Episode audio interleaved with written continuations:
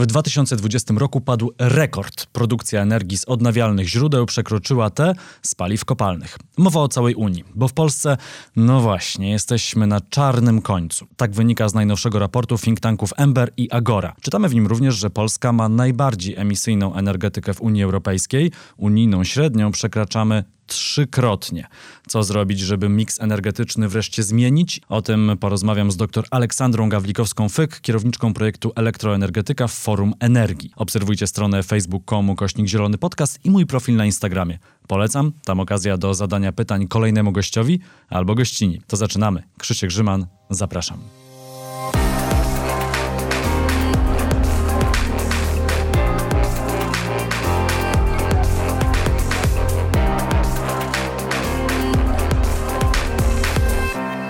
Gościnią Zielonego Podcastu jest dr Aleksandra Gawlikowska-Fyk, kierowniczka projektu Elektroenergetyka w think tanku Forum Energii. Dzień dobry. Dzień dobry. Mamy świetne informacje z Unii Europejskiej. Po raz pierwszy w historii odnawialne źródła energii przekroczyły paliwa kopalne, jeśli chodzi o produkcję energii. Jak w ogóle do tego doszło? Ile lat nam to zajęło? Tak, informacje są bardzo dobre, chociaż y, rzeczywiście przyczyniło się do tego wiele, wiele rzeczy. Y, z jednej strony pandemia z którą mieliśmy wszyscy do czynienia i którą widać bardzo mocno na rynku energii elektrycznej, a z drugiej strony to, o co Pan zapytał, czyli fakt, że wsparcie źródeł odnawialnych zaczęło się lata, lata temu, bo pierwsze dyrektywy i pierwsze cele zostały ustalone w 2007-2008 roku, kiedy mm, Unia Europejska i państwa członkowskie zdecydowały, by właśnie w 2020 roku co najmniej 20% energii y, w trzech sektorach, y, bo w transporcie, w elektroenergetyce i w ciepłownictwie, pochodziło właśnie ze źródeł odnawialnych. Więc to są lata pracy i doboru różnych instrumentów wsparcia, ale także, i to jest chyba bardzo istotna kwestia, po prostu spadku kosztów tych technologii.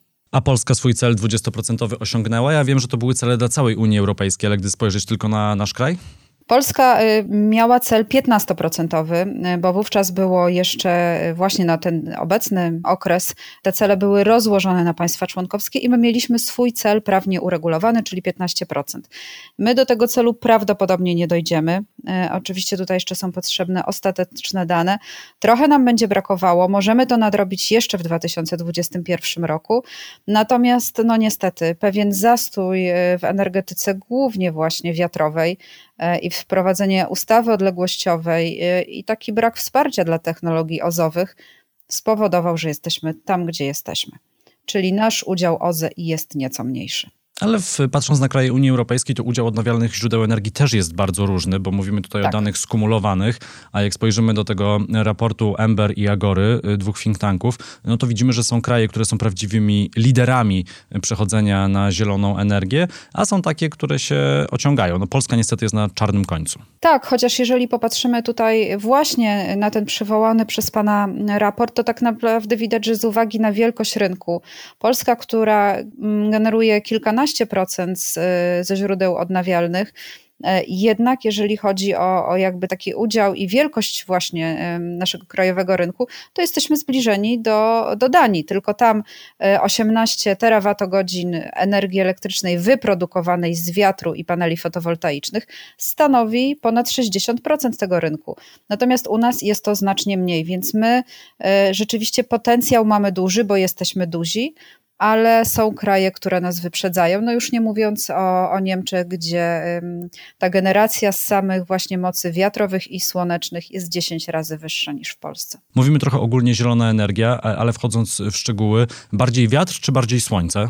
Zdecydowanie bardziej wiatr, dlatego że ta produkcja energii elektrycznej z instalacji e, lądowych, ale przede wszystkim morskich jest po prostu wyższa na 1 e, megawat mocy zainstalowanej. No, e, ze słońcem jest troszeczkę inaczej, bo najlepsze są miesiące wiosenne, letnie i oczywiście godziny, kiedy słońce świeci.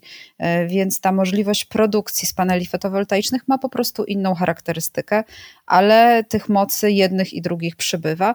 No i duże nadzieje, jeżeli chodzi o te ilości wyprodukowanej energii, to jest właśnie energetyka morska, która też jest celem Polski w tej chwili. E, jest celem Polski. Faktycznie mamy e, nową ustawę offshore'ową. Wiemy też, że nawet spółki państwowe energetyczne, chociaż e, rząd się jakoś specjalnie tym nie chwali, to jednak prezesi spółek mocno stawiają na energetykę wiatrową. A gdybyśmy jeszcze mieli spojrzeć na ten miks energetyczny Polski aktualnie, Ile procent energii dziś w Polsce produkujemy z węgla? E, w tej chwili z węgla jest to blisko 80%. E, ja już mówię, jakie były dane mm, te takie zweryfikowane za 2019 rok e, bo tych mocy było 76%, więc teraz rzeczywiście tutaj znowu zadziałała pandemia, natomiast tej, tego spadku produkcji z mocy węglowych w Polsce nie widać tak bardzo jak w innych krajach członkowskich. E, więc to jest też e, coś, co dopiero przed nami. Przed nami y, dużo y, rzeczy, to na pewno o tym za chwilę jeszcze porozmawiamy, ale przy tym węglu y, bym się jednak zatrzymał, mhm. bo rzeczywiście jesteśmy na samym końcu statystyk europejskich. No, produkujemy najwięcej energii tak. z węgla. To ma swoją cenę, cenę w wielu wymiarach, bo z jednej strony mamy coraz droższe emisje dwutlenku węgla, co powoduje, że ta energia jest po prostu droga. No a drugi aspekt, ten węgiel musimy też do Polski importować. Pewnie tych aspektów jest nawet wiele, wiele więcej, ale aspekt importu węgla z krajów, z których y, relacjami gospodarczymi nie zawsze lubimy się chwalić, czyli ze wschodu. No a do tego jeszcze można dodać y, aspekt y, zdrowotny. Jeśli chodzi o cenę mm, mm, energii wyprodukowanej z węgla, czy kamiennego, czy brunatnego, no to rzeczywiście mamy tutaj jakby trzy podstawowe sprawy.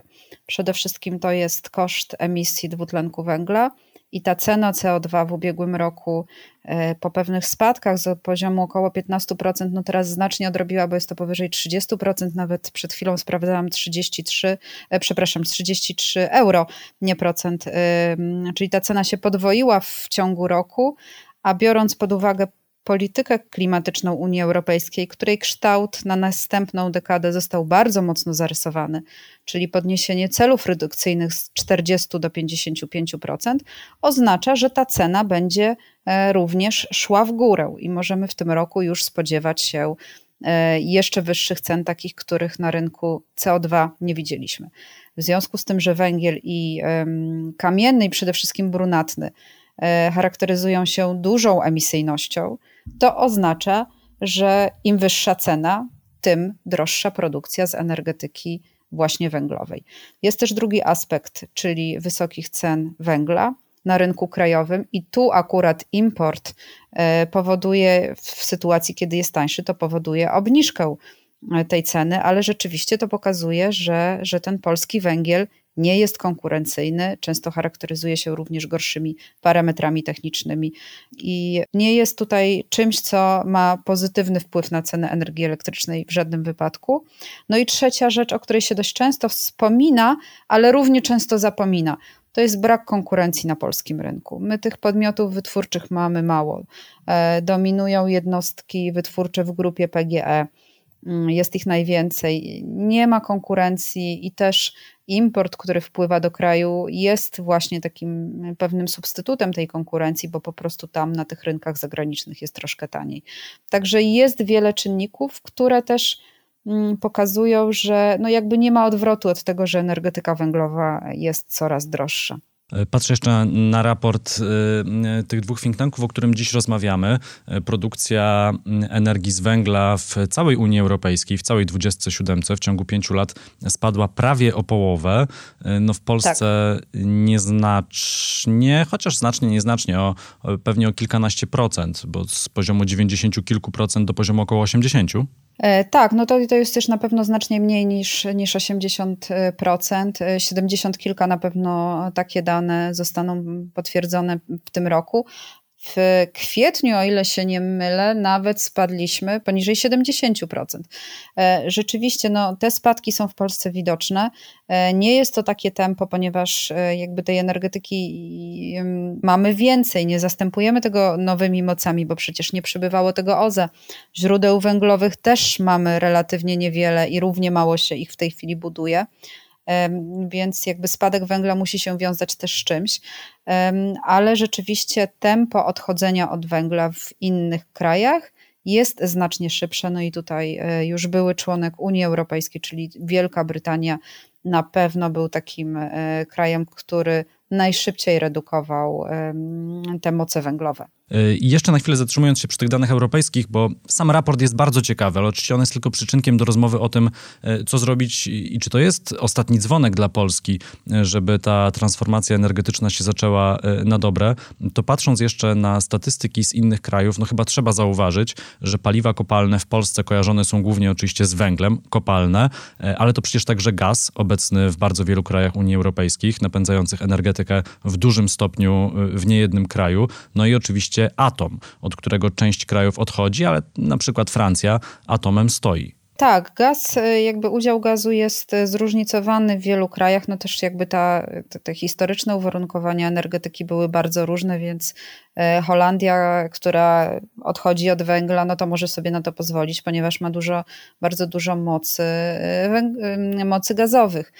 W innych krajach, o czym Pan wspomniał, jest ten miks energetyki, no jednak nie atomowej, jednak nie postrzeganej oczywiście jako paliwo kopalne, tylko jako zeroemisyjnej, ale z różnych powodów ta energetyka, mm, przede wszystkim społecznych w wielu krajach, tak jak w Niemczech, e, trochę też politycznych, trochę kosztowych, nie jest już tym źródłem energii, na które te państwa chcą stawiać. Tych państw jest niewiele, które chcą rozbudowywać energetykę jądrową, e, więc ten miks jest bardzo różny i, i myślę, że te punkty startowe, też bardzo różnicują państwa członkowskie. Niemniej nie chciałabym mówić, że to, że mamy energetykę węglową jest dla nas jakąkolwiek wymówką. Polityka Unii Europejskiej, kierunek transformacji, ale też znaczenie ochrony klimatu i jakości powietrza, z którym mamy problem w Polsce ogromny, e, to są kwestie, które nie pojawiły się wczoraj i, i z którymi musimy radzić sobie już od lat i pewna inercja, e, brak decyzyjności w odniesieniu do kierunków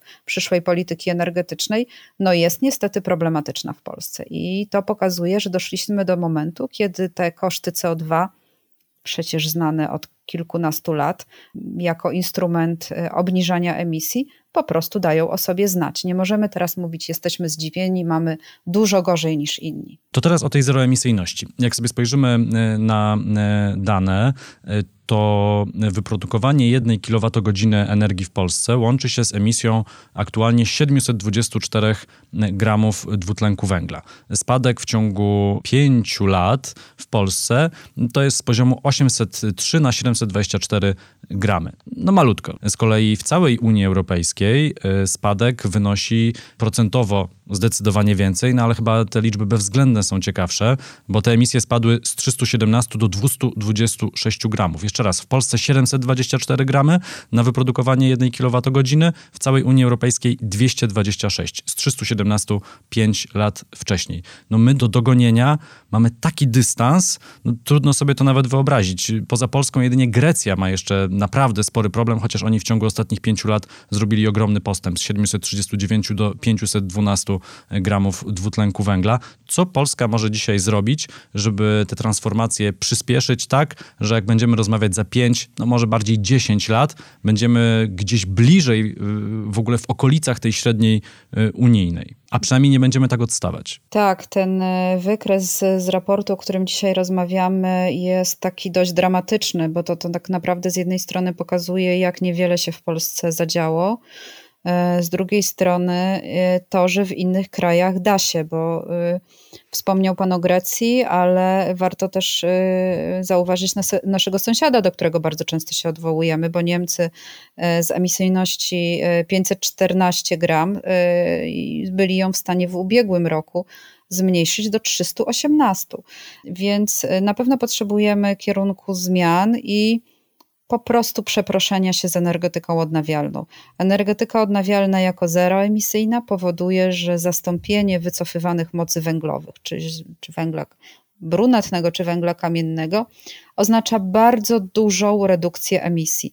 Zapominamy bardzo często o tym, że energetyka jest pierwszym sektorem, w którym musimy się uporać w drodze do tej do neutralnego klimatycznie systemu już w 2050 roku i w wielu innych obszarach nie znamy jeszcze technologii, czy nie są one komercyjnie dostępne, e, żeby zdekarbonizować inne obszary gospodarki. Wiadomo, będzie problem z przemysłem, z rolnictwem. w energetyce, w elektroenergetyce te technologie są znane i co więcej, one są kosztowo opłacalne. Rzeczywiście instalacja e, mocy odnawialnych spowoduje obniżenie tego parametru, o którym rozmawiamy, czyli tej emisyjności na kilowatogodzinę wyprodukowanej energii elektrycznej. My w Polsce wiemy też, że będziemy potrzebować trochę gazu. Jest go e, w systemie mało to jest tylko kilka procent mocy zainstalowanej, więc e, na pewno będziemy też budować moce gazowe, ale e, źródłem do ograniczenia emisyjności są właśnie mm, technologie odnawialne. No i w takim kierunku, w kierunku ta polityka musi zmierzać. To trochę widać już w strategiach, które, e, które są tutaj w Polsce mm, przygotowywane, natomiast zdecydowanie nie jest to poziom dorównujący tym celom unijnym i, i tym, temu wyzwaniu, jakim jest redukcja emisji. Faktycznie o tych celach spółek energetycznych ten temat się już pojawił e, w naszej rozmowie. Tylko, że to, co chce jedna pojedyncza spółka, przechodzić na zieloną stronę mocy, to dobrze. Pytanie jest, jak ma wyglądać ten miks energetyczny według rządu, no bo potrzebny nam jest chyba jakiś bardzo konkretny plan dochodzenia do e, gospodarki zeroemisyjnej czy neutralnej emisyjnie. Tym bardziej, że to, że dzisiaj odnawialne źródła energii rosną w Polsce, to jest trochę przypadek, trochę wypadkowa różnych polityk, e, na przykład program Mój Prąd, który zachęca tak, indywidualne osoby do mhm. instalowania e, paneli słonecznych, trochę jeszcze realizacji na przykład e, wiatraków na lądzie z czasów, kiedy pozwolenia były wydawane, bo teraz nie są. No to jest trochę przypadek dzisiaj, że i tak mamy te odnawialne źródła energii w takiej liczbie, jakiej mamy. No a jak miałby wyglądać taki docelowy e, miks e, energetyczny, to, to pytanie zadaje też e, Miłka, bo pytałem naszych słuchaczy, o co chcieliby zapytać. Jak zdaniem Forum Energii mógłby wyglądać, jest osiągalny miks energetyczny na rok 2030, no i co zrobić, żeby to osiągnąć? My opublikowaliśmy rzeczywiście w ubiegłym roku kilka analiz dotyczących tego, że przed nami wyzwania, z którymi musimy sobie radzić, nie tylko ze względu na politykę klimatyczną, a, a, a nawet nie jako, jako pierwszyplanowy czynnik zmian, tylko z tego powodu, że kończą nam się zasoby węgla brunatnego, nie ma społecznego ani ekonomicznego uzasadnienia dla nowych odkrywek.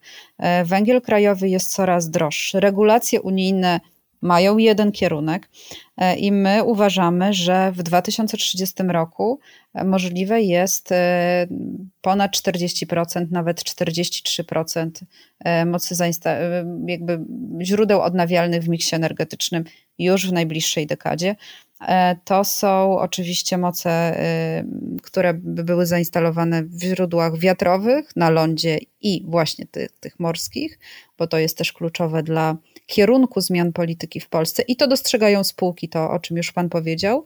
Bardzo istotne, żeby one widziały, że, że, bo to one muszą dostarczyć e, te moce, przecież nie rząd i y, oczywiście źródła fotowoltaiczne, które są potrzebne w polskim systemie i które się rozwijają. Więc do 2030 roku mamy szansę, żeby już ponad 40% miksu było, e, było w mocach e, odnawialnych. Potrzebujemy trochę gazu, e, to już o tym mówiłam, i, i wiadomo, że będzie spadała ta produkcja z węgla kamiennego i, i brunatnego. No tutaj też bardzo ważne są regulacje dotyczące rynku mocy i tego, że po prostu nie będziemy mogli wspierać tym mechanizmem mocowym e, jednostek, które emitują powyżej 550 gram, bo dzisiaj często się tym wskaźnikiem posługujemy. E, więc ta zmiana miksu, to e, ona się musi zacząć odbywać już w tej chwili, no ale do tego trzeba właśnie uwolnienia potencjału energetyki wiatrowej na lądzie i, i w ogóle wsparcia tego kierunku. Ja myślę, że to dobrze, że spółki bardzo mocno ten trend, y, megatrend dostrzegły, bo od tego już nie ma odwrotu i to ważne, że spółki zaczynają mówić o niskoemisyjnej, e, zeroemisyjnej transformacji i o tym, że chcą um, zmieniać się i instalować coraz więcej OZE. To jest bardzo, bardzo istotne i to jest zmiana, która e, mam wrażenie odbyła się dopiero w ubiegłym roku. Marta pyta, co dalej z ustawą odległościową? Kiedy rząd odblokuje wiatraki? Dodajmy, ustawa odległościowa blokowała budowę wiatraków, jeżeli ten był e, bliżej niż 10H, e, czyli jakbyśmy ten wiatrak położyli na ziemi, to 10 takich wiatraków i dopiero mógł stać jakiś budynek. Tak, ustawa odległościowa jest tutaj kluczowa, to znaczy ona blokuje inwestycje e, nowe i, i jakby pozwala tylko działać na zasadach, które zostały już wcześniej, czy, czy pozwolenia, które zostały już wcześniej wydane co oznacza, że zamykamy sobie jakby możliwość instalowania tych największych, najbardziej wydajnych turbin wiatrowych, no bo to się z roku na rok tutaj zmienia. I my też od dłuższego czasu, no już od blisko roku w zasadzie słychać, że lada moment ta ustawa odległościowa będzie zniesiona. Zmieniały się też y, w międzyczasie ministerstwa i osoby stojące na ich czele, bo był, y, był moment, kiedy była minister Jadwiga Emilewicz, bardzo mocno wspierała zniesienie tej ustawy. Ja powiem szczerze, że nie, jakbym miała postawić na jakiś termin, to nie jestem tego w stanie zrobić. Natomiast myślę, że świadomość jest, że bez zniesienia czy ograniczenia zasady 10H, bo były pomysły, żeby to było podejmowane na poziomie gmin, e, takie decyzje, ale bez tego my nie jesteśmy w stanie budować odpowiedniej ilości e, nowych wiatraków, takiej, żeby, żebyśmy rzeczywiście zmieniali ten system. Kiedy? Nie wiem. A wracając do e, waszej projekcji, czyli Forum Energii, e, ten miks energetyczny w roku 2030 i ponad 40% udział odnawialnych źródeł energii, ile procent w tych 40 kilku procentach miały stanowić wiatraki na lądzie, ile offshore, e, czyli wiatraki na morzu, a ile ma pochodzić z tych rozproszonych źródeł, czyli z tej takiej naszej energetyki prosumenckiej, paneli fotowoltaicznych? Tutaj te wiatraki na lądzie, no to są jakby y, już mamy, już razem z tymi mocami zainstalowanymi, teraz będziemy mieć i aukcjami, które się odbyły powyżej 10 gigawatów, więc tutaj też na pewno zmiany tylko i wyłącznie w górę. Kilka gigawatów, y, jeżeli chodzi do, do kilkunastu, bo na pewno jest taki potencjał, jeżeli chodzi o panele fotowoltaiczne. No i energetyka, y, to trochę zależy od tego, jak się zaplanuje ten system, dlatego że mm, energetyka morska, y, morska energetyka wiatrowa jest drogą technologią jeszcze, która potrzebuje wsparcia, więc jeżeli byśmy szli w te um, kilka gigawatów, um, 8-10 do 2030 roku, co jest bardzo ambitne, ale jeżeli byśmy szli e, w tym kierunku, no to, to mniej więcej tak by się te proporcje roz, rozkładały, dość, dość równo w tym, ale to wszystko zależy od tego, czy będziemy i jak mocno wspierać te poszczególne technologie. Więc bardziej chodzi nam o pokazanie, że taki udział jest technicznie możliwy, że my umiemy sobie już radzić ze zmiennością na rynku energii elektrycznej, ze zmiennością tych źródeł odnawialnych i biorąc pod uwagę te moce, które mamy, jesteśmy w stanie tak zmienić system w przeciągu najbliższej dekady. Czy będzie to jeden gigawat więcej tu, czy tam, no to to już jest wtórna. Żaden rząd w Polsce nie chciał powiedzieć otwarcie, y, że odnawialne źródła energii to jest y, przyszłość. Oczywiście dzisiaj politycy z różnych partii ten temat już mają na agendzie i, i, i wiedzą, że w zasadzie odwrotu nie ma. Pewnie w partii rządzącej też ta świadomość już jest, chociaż, co chyba trzeba zauważyć, od 2015 roku nikt tego głośno powiedzieć z jakiegoś powodu nie chciał. Nie chciał powiedzieć, musimy postawić na odnawialne źródła energii. Cały czas nam gdzieś majaczy w tle e, budowanie elektrowni atomowych. Czy ten projekt się wydarzy? No, biorąc pod uwagę koszty finansowania i skomplikowanie takiego projektu, no, można e, wątpić. No ale tutaj mamy pytanie od Beaty bardzo słuszne. Jarosław Niemiec, reprezentujący górników, słusznie e, ostatnio zauważył, że Polska już korzysta z odnawialnych źródeł energii, ale w części także importowanych, a to nie obniża rachunków. Jak zatem przekonać rząd, aby stworzył więcej OZE w Polsce? Jak wytłumaczyć, że obwinianie Unii Europejskiej za wprowadzanie podatków węglowych to obwinianie nic kompletnie nie da, oprócz utrzymania wysokich rachunków za energię i dalszą dewastację atmosfery. Ja myślę, że wiele aspektów, które w tym długim i trudnym pytaniu zostało poruszonych, już się dzieje.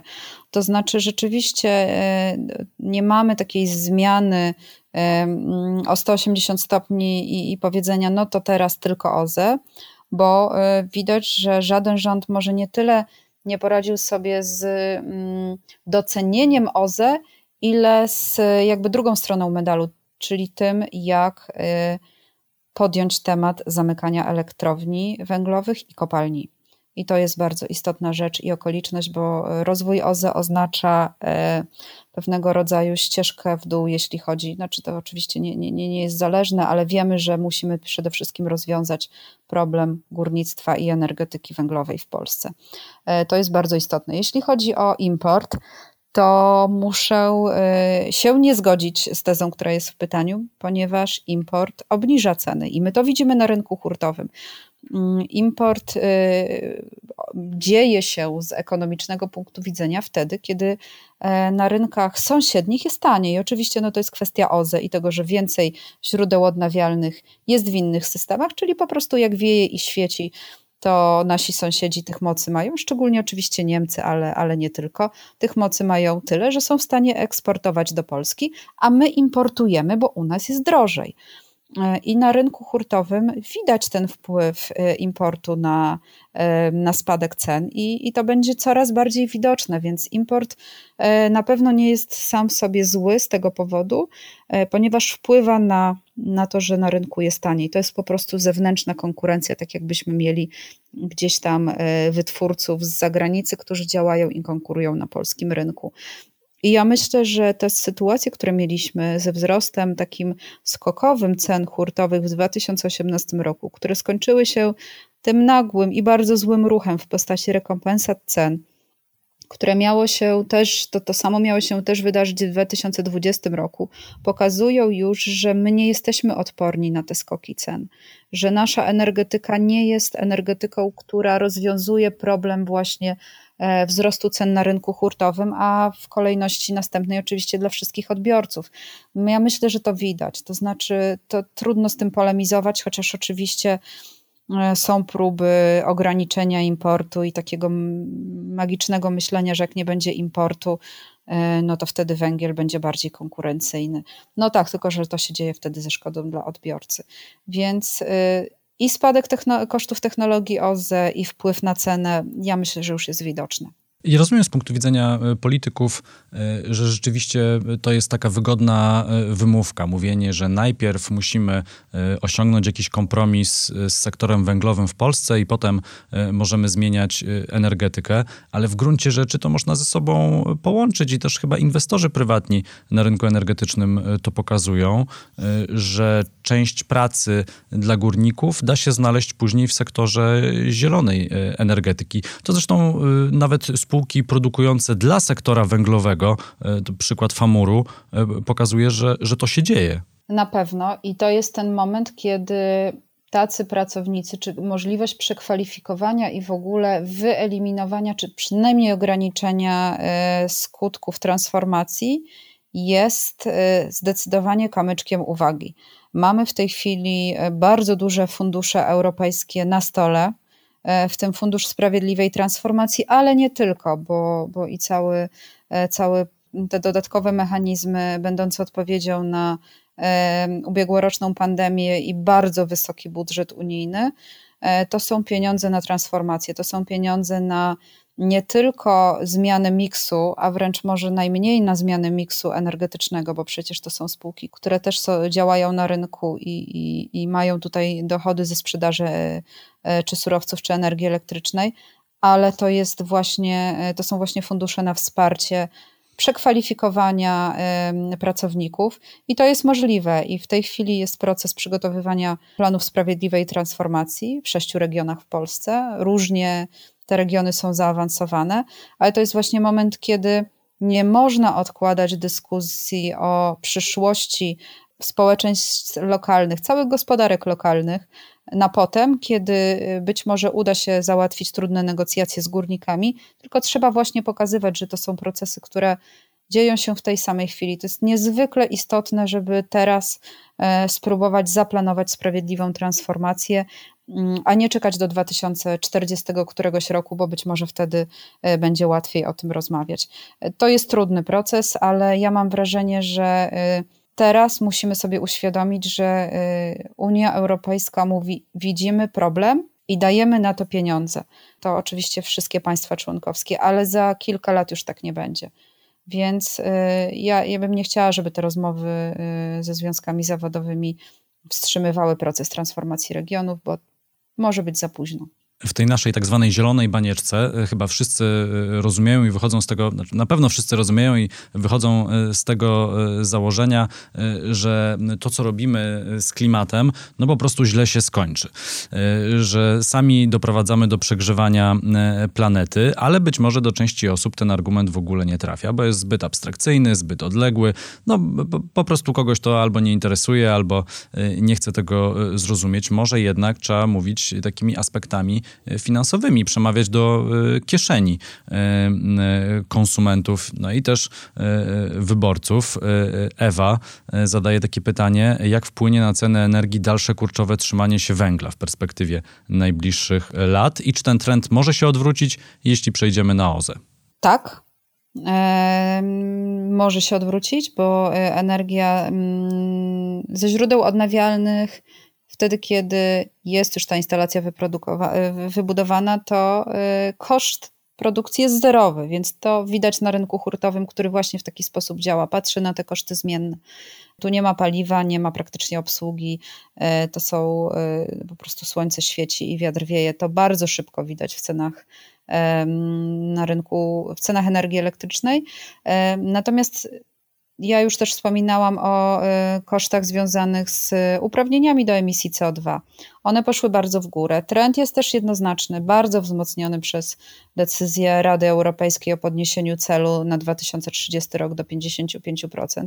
I my y, spodziewamy się, analitycy spodziewają się wysokich cen CO2 już w tym roku. Jeżeli będzie zmiana tego systemu, to jakby będzie też presja na to, żeby te ceny rosły coraz bardziej przy tak uwęglonej energetyce my natychmiast będziemy odczuwać ten wzrost cen. Zresztą Polska już ma najdroższą energię spośród tutaj sąsiadów. Były momenty, że najdroższą w całej Unii Europejskiej. Mm, więc y, jakby te korelacje są jednoznaczne. E, wracam jeszcze na chwilę do raportu. Patrzę sobie na statystyki odnośnie tego, ile kto ma e, energii odnawialnej, ile jest atomów w miksie, ile paliw e, kopalnych, ale też na zmiany, na dynamikę, gdzie liderem, takim jednym z liderów są oczywiście nasi zachodni sąsiedzi, czyli Niemcy, w tempie przechodzenia na zieloną stronę mocy. No i tu się pojawia pytanie, no ono się zawsze gdzieś pojawia, na kim możemy się wzorować, czy skąd brać przykład, tworząc ten nasz nowy miks energetyczny? Ja myślę, że w różnych y, obszarach, na różnych państwach członkowskich, czy w ogóle państwach unijnych. Pewne regulacje ściągaliśmy na przykład z Wielkiej Brytanii, to jest wsparcie rynku mocy, więc teraz warto by było popatrzeć, ok, to skoro Wielka Brytania poradziła sobie, czy bardzo szybko odchodzi od węgla, bo, bo ten spadek był imponujący, to y, w jaki sposób zadziałała, co się takiego stało, jak wsparła inne moce, e, czy na przykład magazyny, czy e, dzisiaj jeszcze nie wspomnianą odpowiedź strony popytowej, czyli redukcję zapotrzebowania. To są, y, to, to są obszary, gdzie możemy patrzeć na innych. Jeżeli chodzi o na przykład ciepłownictwo, bardzo dużo y, wzorów możemy czerpać z Danii. Na pewno też warto spoglądać, w jaki sposób jest wspierany ten rynek prosumencki, e, o którym już Pan dzisiaj wspomniał. E, czy mój prąd jest najlepszym pomysłem, czy może w jakiś inny sposób? Co jeszcze musi się zadziać? Jakie regulacje skłonią nas, odbiorców, do tego, żebyśmy na przykład nie, nie włączali wszystkich sprzętów w domu o godzinie 17, kiedy e, czy o godzinie 11, kiedy był ostatnio szczyt e, poboru mocy w systemie. I tylko może potrzebujemy systemów taryfowych, dynamicznych cen, przynajmniej dla niektórych, i e, żebyśmy widzieli jako odbiorcy, kiedy i w jaki sposób zmienia się wartość energii elektrycznej. Teraz wszyscy korzystamy głównie z zupełnie płaskich taryf. Jest bardzo dużo różnorodnych aspektów, gdzie warto by było popatrzeć, ok, to jest dobre i to możemy wykorzystać. Natomiast na pewno nie jest tak, że jest jeden lider tutaj, który robi wszystko, bo nasi sąsiedzi, zresztą wydaje mi się, że dobrym porównaniem tego, co, co robią Niemcy, jest takie porównanie do laboratorium. Oni sprawdzają, jak to działa, ale to nie znaczy, że my musimy brać wszystkie ich pomysły i robić to samo u siebie. Na pewno nie. A takim game changerem, jeżeli chodzi o podejście społeczeństwa e, do e, zmian w energetyce, byłoby uwolnienie cen energii. Bo dzisiaj e, no, tylko w Warszawie w zasadzie mamy uwolnione ceny energii, to znaczy tylko Innoji ustala cenniki samemu dla klientów indywidualnych. Praktycznie w całym kraju te cenniki muszą być zatwierdzane przez Urząd Regulacji Energetyki. Gdyby te ceny uwolnić i odbiorcy indywidualnie zobaczyliby to, co widzą dzisiaj przedsiębiorcy, mali jak i duzi, e, czyli wysokie ceny energii, to może e, dałoby więcej do myślenia i, i skłaniałoby do tego, że rzeczywiście Polska musi przyspieszyć z przechodzeniem na zieloną energię? To tu mi się takie nasuwa e, porównanie, tak jakbyśmy wypchnęli nieumiejącego pływać na głęboką wodę, nie dając mu nic, żadnego koła ratunkowego ani nic takiego. Nie, myślę, że to nie jest rozwiązanie. To znaczy, rozwiązaniem powinno być w, w sytuacji, kiedy ten rynek jest mocno niekonkurencyjny w Polsce. I y, te ceny są właśnie w tym trendzie zwyżkowym, bo jest drogo. I mówienie teraz, no dobrze, no to niech się odbiorcy sami przekonają, jak im będzie źle, to nie jest dobry pomysł w żadnym wypadku, dlatego że nie dajemy alternatywy. Oczywiście odbiorcy typu prosumenci, ktoś, kto może sobie zainstalować panele fotowoltaiczne i na przykład za jakiś czas doinstalować magazyn i kupić samochód elektryczny, też często z dużym wsparciem jednak, bo to są drogie kapitałowo inwestycje, będą widzieli efekty, to znaczy będą mieli wybór, ale gro odbiorców jednak nie, więc tu potrzebne są systemowe działania w kierunku zmiany miksu, który obniża ceny, systemowe działania w kierunku udostępnienia tym odbiorcom aktywnym możliwości działania na rynku energii, właśnie uwolnienia cen, bo, bo to nie jest tak, że, jak, że to jest tylko Warszawa i, y, i tutaj InnoG, ale też w zasadzie każdy z nas może sobie zmienić sprzedawcę i wtedy otrzyma ofertę rynkową, tylko po co, jak wiadomo, że nie będzie taniej, dość często tak jest. I y, też musimy pamiętać, że y, My mamy problem z ubóstwem energetycznym w Polsce. To znaczy, to jest oczywiście kwestia głównie dostaw ciepła w tej chwili, ale nie można pozwolić na to, że ceny wzrosną, żeby rynek zaczął funkcjonować, a przy okazji jakiś procent społeczeństwa nie będzie y, stać na opłacanie rachunków. Tu jest też potrzebne systemowe wsparcie, czego zresztą wymaga y, prawo unijne. Jeżeli mamy wspierać i regulować ceny, to właśnie dla odbiorców wrażliwych. Nie można tego zrobić tak z dnia na dzień, uciąć i i że to się wszystko załatwi. To nie ten sektor. Ja oczywiście nie mówię tutaj o szalonych latach 90. i całkowitym uwolnieniu rynku bez żadnych osłon dla osób najbardziej e, potrzebujących, ale jest jednak coś w tym, e, że do sektora węglowego dopłacamy w Polsce e, około 8,5 miliarda złotych rocznie.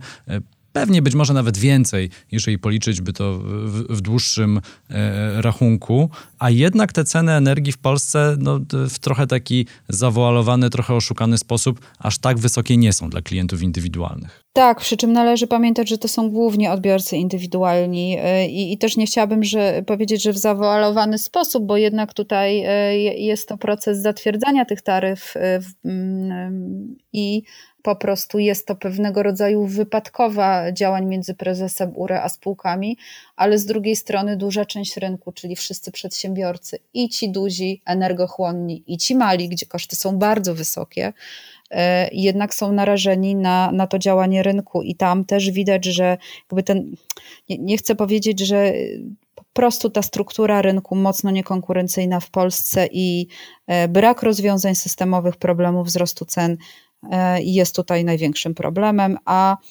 regulacje dotyczące odbiorców wrażliwych, no przecież nic nie stoi na przeszkodzie, żebyśmy to wreszcie zrobili w sposób taki systemowy i dobry, bo dodatki e, energetyczne gdzieś tam oparte o dodatki mieszkaniowe to kompletnie nie jest rozwiązanie systemu.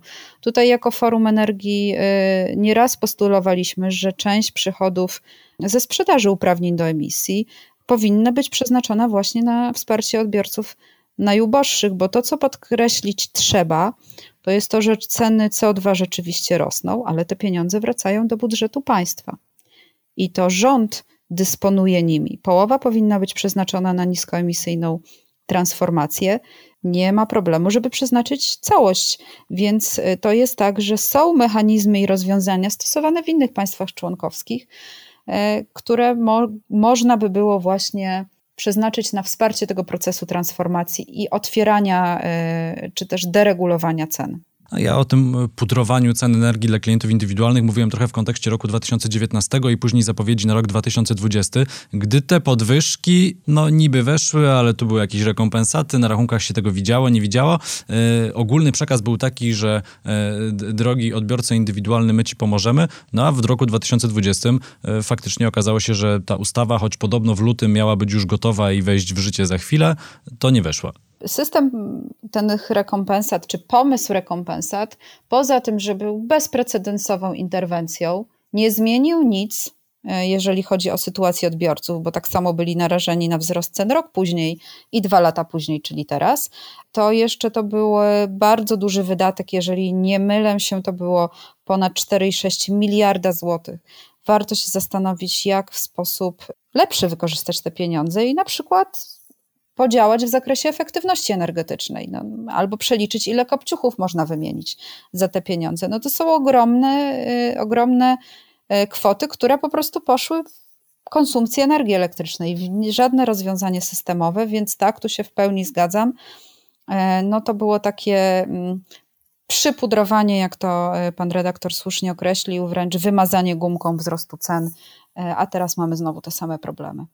To na koniec jeszcze pytanie o samą działalność Forum Energii od Grześka. E, czy Forum Energii miało okazję pomagać w doradzaniu gminom, miastom w odchodzeniu od węgla i zwiększaniu udziału odnawialnych źródeł energii e, w energetyce? No to oczywiście miasta mają ograniczony wpływ, chociaż na swoją własną e, produkcję energii mogą postawić na własny użytek. A czy jeśli tak się zdarzyło, to czy jak to monitorowanie wychodzi w praktyce? Rzeczywiście to jest obszar, który coraz mocniej, e, jest coraz większą częścią działalności forum, coraz istotniejszą, dlatego że widać, że jakby schodząc z tego poziomu, jakie są cele unijne, jakie są cele krajowe, e, musimy przejść do tego, kto to będzie realizował. I to się dzieje dokładnie na poziomie lokalnym. lokalnym. Więc przede wszystkim mamy taki program e, LIDER, który ma teraz drugą edycję, w którym celem jest pomoc miastom, aby pokonały smog. No i oczywiście rozwiązania dotyczą także OZE czy elektromobilności. E, I tutaj działamy mm, własnymi siłami, ale też współpracując, łącząc ludzi, łącząc właśnie włodarzy miast i doradców, po to, żeby te problemy smogu rozwiązać. No i są oczywiście od razu przy okazji często problemy energetyki lokalnej, czy problemy transportu, czy, ciepłownictwa. E, natomiast jeżeli chodzi o, o, o sam smog i samo ciepłownictwo i w przyszłości zastąpienie tego e, źródłami odnawialnymi czy, czy takimi niskoemisyjnymi, no to przygotowaliśmy też mapę drogową dla żywca, e, która dotyczy dekarbonizacji ciepłownictwa. I nie ukrywam, że, że, że jest to ten, ta część działalności, która przynosi dużą satysfakcję, choć to są dopiero początki, więc trudno mówić tutaj o monitorowaniu, ale widać, że ta, ta aktywność będzie coraz, e, coraz mocniej odbywała się na poziomie lokalnym. Tam jest też sprawczość i to jest bardzo cenne.